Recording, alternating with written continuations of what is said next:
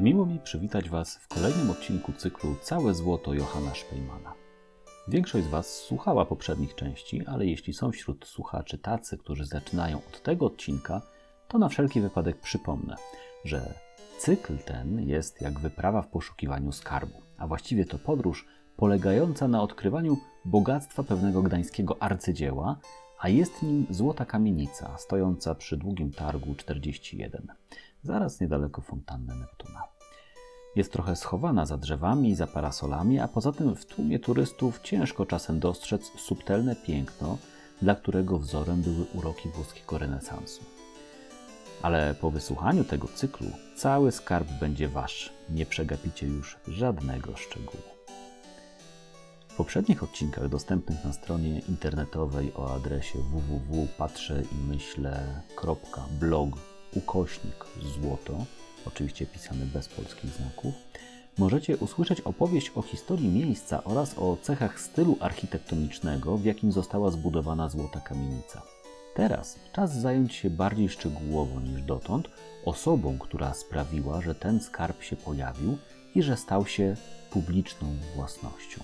Tą osobą był Johann Szpejman.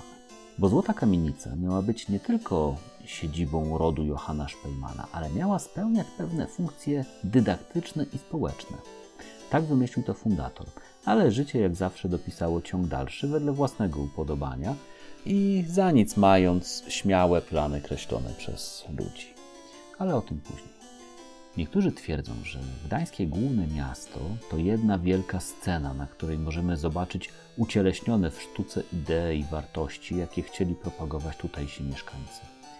Można z tym dyskutować, ale pewnym jest, że Złota Kamienica, wpisująca się w nurt manierystycznej architektury, którego, którego jedną z cech była teatralizacja, właśnie taką sceną jest. Na jej fasadzie możemy zobaczyć przedstawienia odnoszące się do licznych e, pojęć ważnych z punktu widzenia filozofii, czy szerzej kultury Europy, a oprócz tego mamy przywołane kilkanaście postaci będących wzorami osobowymi oraz osiem płycin ze scenami z wydarzeń, w których szczególnie ujawniały się postawy godne naśladowania z punktu widzenia bogatych gdańszczan przełomu XVI i XVII wieku. O tym będę opowiadał w kolejnych odcinkach. Wspominam o tym teraz, by pokazać, że, tak metaforycznie mówiąc, repertuar tego teatru jest ustawiony w taki sposób, że wszystkie przedstawienia otaczają jedną płycinę stanowiącą centrum kompozycji. Można powiedzieć, że to serce całego konceptu i jak łatwo się domyśleć, to szczególne miejsce zarezerwował dla siebie pomysłodawca i fundator Złotej Kamienicy Johann Szpejman. Na centralnie położonej płycinie możemy zobaczyć amorka trzymającego dwa herby. Ten po lewej, od frontu patrząc, to herb Szpejmana. Tarcza podzielona jest na dwa pola, na których znajdują się drzewo o trójdzielnej koronie oraz jeleń stojący na tylnych łapach, zwrócony do centrum tarczy. Oryginalne barwy tego herbu to srebrne tło pola z drzewem, które, jak się łatwo domyśleć, było zielone, a drugie pole ma czerwone tło, jeleń zaś jest, co mniej oczywiste, srebrny. W klejnocie herbu, czyli części znajdującej się ponad tarczą, figura jelenia jest powtórzona jako półpostać i zwrócona w przeciwnym kierunku niż ta na tarczy. Drugi herb to herb rodzinny małżonki Jana Szpejmana, Judyty z Barów. Barowie nosili herb rawicz, który przedstawiał kobietę siedzącą na grzbiecie kroczącego niedźwiedzia.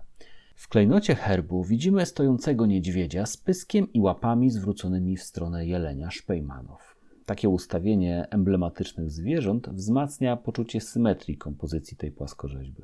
A z kolei trzymający herby w rękach amorek, jak się łatwo domyśleć, symbolizuje miłość łączącą oba rody. Herb jest czymś, co kojarzy się raczej z rycerzami, szlachtą, ale nie z mieszczanami. A oba rody, wywodziły się zdecydowanie z tegoż właśnie stanu. Skąd więc takie arystokratyczne atrybuty na domu człowieka niższego urodzenia? Otóż patrycjat gdański to była tutejsza gdańska arystokracja. Majątek, jakim dysponował, wynosił go nie tylko ponad innych mieszczan, ale również niejednokrotnie mieszczanie gdańscy, ci mieszczanie, patrycjusze, przewyższali w tym względzie magnatów, a nawet polski król pożyczał od gdańskich mieszczan niemałe sumy pieniędzy, więc nikt nie śmiał zaprzeczyć ich prawu do przyjmowania atrybutów właściwych lepiej urodzonym. Co ciekawsze, podpis pod płaskorzeźbą z herbami głosi Johann Speymann von der Speje Eques, czyli Jan Szpejman ze Szpei, kawaler, bądź jeśli przetłumaczymy to inaczej, rycerz. No i tu już zagadki zaczynają się napiętrzać, bo jak to ze Szpei? To nie z Gdańska? A poza tym rycerz, a nie mieszczanin? Ale nie myślcie, że to przejaw jakiejś mistyfikacji. To wszystko owoc bujnej biografii i żeby rozszyfrować tą łamigłówkę, sięgniemy w głąb historii. Kiedy mówimy o kimś, że jest z Gdańska, to zawsze będzie to tylko część prawdy, bo tak ściśle rzecz biorąc, to wszyscy, nawet tu urodzeni jak ja, nie możemy poszczycić się zbyt długim gdańskim rodowodem. Można by powiedzieć, że prawdziwy Gdańszczan nie ma, albo raczej, że wszyscy jesteśmy Gdańszczanami tylko w pewnym stopniu. To już taka cecha tego miasta, że przyciąga ludzi jak magnes, a jego pogmatwane dzieje sprawiają, że trudno tu o wielopokoleniowe zasiedzenie. I pod tym względem losy Johanna Szpejmana były bardzo gdańskie. Jednak nie pochodził z żadnej szpej, jak głosi napis na fasadzie Złotej Kamienicy. Nie mam pewności, czy ta szpeja w ogóle istnieje. Johann Szpejman urodził się 20 listopada 1563 roku w Gdańsku. Był synem Hiligera Szpejmana, który uzyskał obywatelstwo gdańskie zaledwie 5 lat wcześniej, w 1558 roku sześć lat po tym, jak osiedlił się nad Motławą. A że wrzenił się w burmistrzowską rodzinę, bo matka naszego bohatera, Anna, była córką Johanna Brandesa, więc y, szybko odnalazł się w kręgach tutejszego patrycjatu. Nie była to zresztą dla Hilligera żadna nowość, bo sam wywodził się z rodziny o bogatym rodowodzie. Jego ojciec, czyli dziad Johanna, Winold, był burmistrzem miasta Orsoj w nadreńskim kręgu Mers i tam właśnie na pograniczu niemiecko-niderlandzkim należy szukać korzeni rodu Szpejmanów. Ojciec zmarł, kiedy Johann miał zaledwie 6 lat, a matka w dwa lata później poślubiła gdańskiego rajcę Joachima Ellera.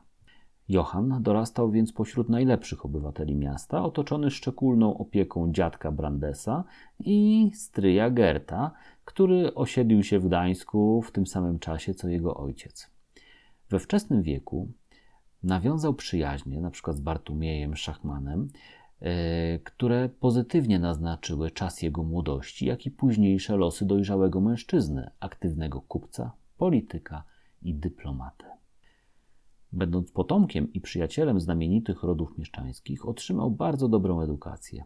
Na taką mogli zdobyć się tylko przedstawiciele najbardziej znamienitych rodów, które oprócz pieniędzy dysponowały również świadomością tego, że człowiek z ich klasy społecznej musi być obywatelem świata, a świat znaczył dla nich tyle co Europa. W wieku 16 lat, czyli w 1579 roku, Johann Szpejman udał się na studia do Akademii Krakowskiej.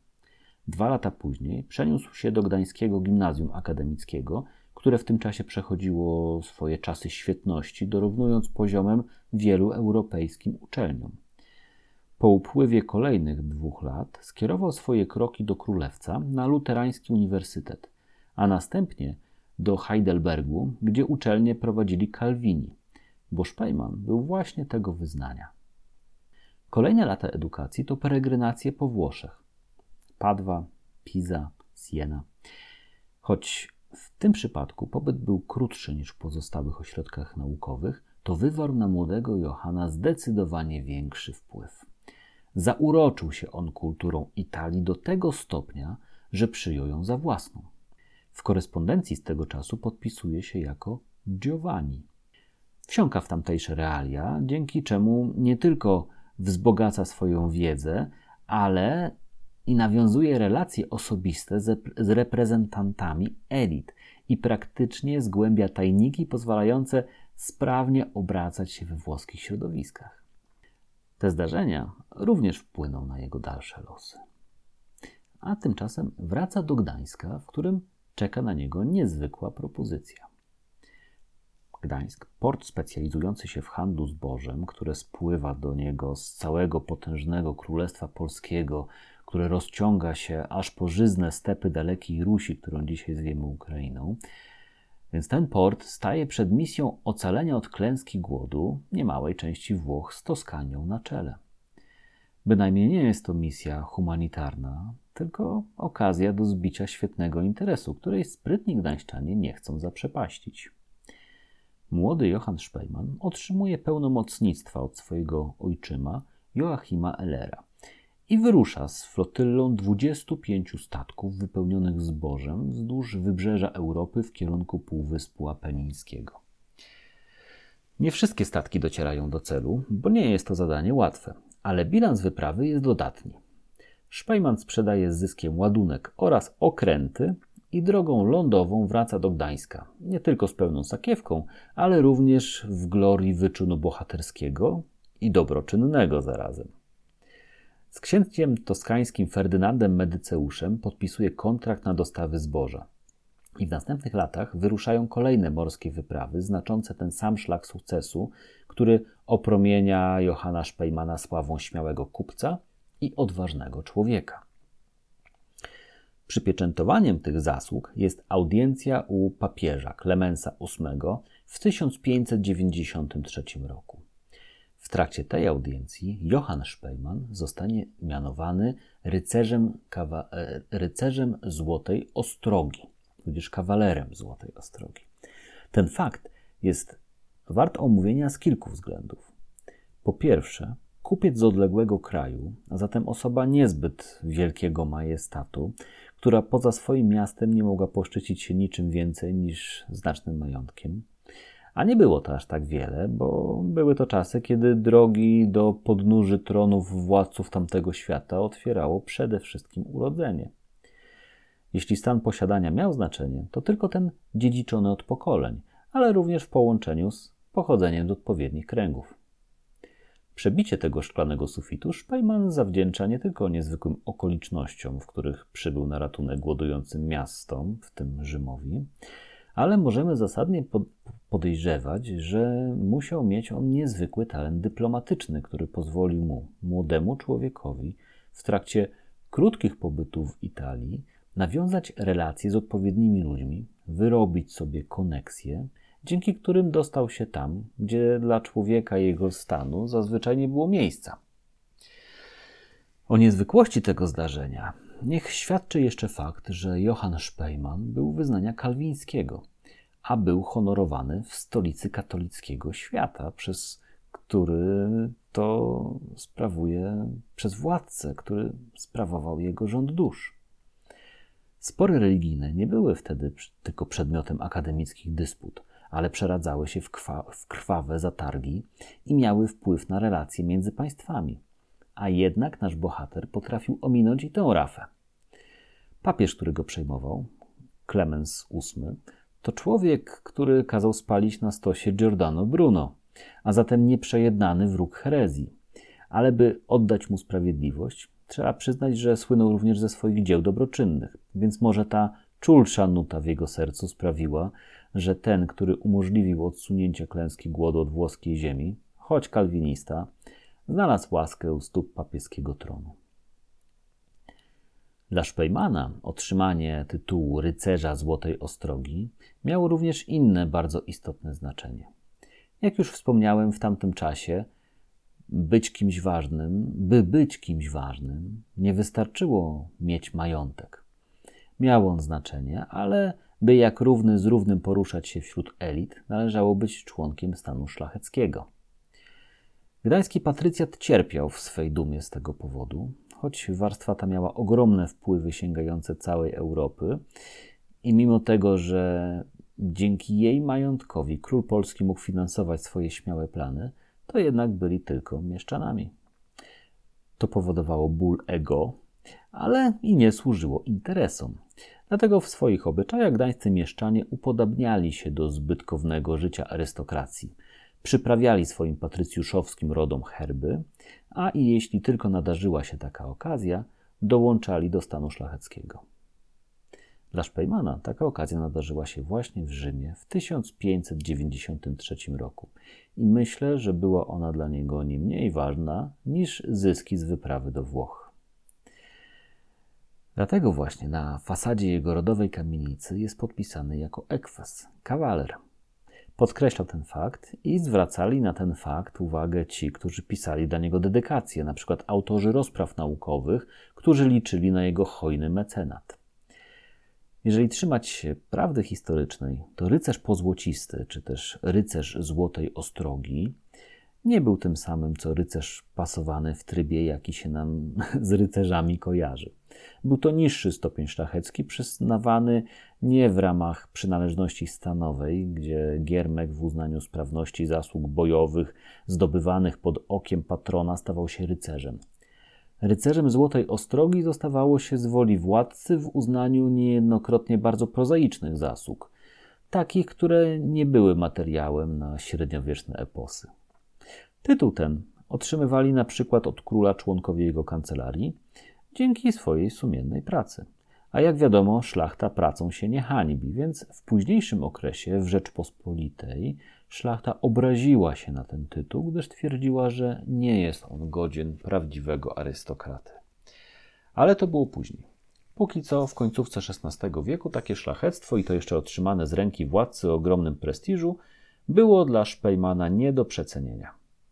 Przy okazji jego nadania na arystokratyczną modłę dodano do nazwiska obdarowanego zaszczytem kupca z Gdańska przydomek von der Speje, odnosząc się do niezidentyfikowanego miejsca, ale nie robiło to nikomu różnicy. Historycy powtarzają, że ta parafraza nazwiska miała odnosić się do zasług Szpejmana, ale nie wyjaśniają w jaki sposób. Próbowałem to sprawdzić i nie uzyskałem satysfakcjonującej odpowiedzi. Nie dostarcza nam jej język łaciński, niemieckiego w tym przypadku lepiej nie wspominać, bo mogłoby to obrazić naszego bohatera. W niderlandzkim może to słowo oznaczać grę, co byłoby bliskie wyczynom gdańszczanina, ale na przykład we włoskim szpeje oznacza tyle co przyprawy, więc może papież uznał go za sól tej ziemi. I na tym się zatrzymajmy. Oprócz zaszczytów, Szpejman wynegocjował również prawo do zbudowania spichlerza w leżącym nieopodal Rzymu porcie Citavecchia. Miało to otworzyć szersze perspektywy stworzenia relacji handlowych między Gdańskiem a Włochami. Z taką myślą zapewne wracał do swojego miasta, ale sprawy potoczyły się inaczej. W dłuższej perspektywie czasowej taka działalność okazała się mało zyskowna, więc została zarzucona. Ale nasz rycerz Złotej Ostrogi trwał nadal w swoim umiłowaniu dla kultury Rzymu, tego współczesnego, jak i dla całej jego przeszłości. Johann Szpejman skoncentrował się na działalności w obrębie miasta swojego urodzenia, choć w przypadku miasta o takim zasięgu wpływów nie było to wcale mało. Zajął się handlem, a przez dobry ożenek wszedł w rodzinę barów, która miała rozległe koneksje w Prusach Królewskich, ale również te koneksje sięgały dworu polskiego władcy. Stopniowo Szpejman pnie się po kolejnych stopniach kariery mieszczańskiej i zdobywa stanowiska w gdańskich władzach, uczestnicząc aktywnie w lokalnej polityce i dyplomacji. W 1601 roku Szpejman wszedł w skład miejskiej ławy głównego miasta, czyli organu sądowniczego. Od 1603 roku został członkiem Rady Miejskiej. W 1606 pełnił funkcję sędziego, czyli zwierzchnika ławy miejskiej. W 1612 roku zostaje burmistrzem, a dokładnie trzecim burmistrzem, bo Gdańsk miał przez długi okres swojej historii czterech burmistrzów, z których każdy spełniał przypisane tym stanowiskom odrębne funkcje.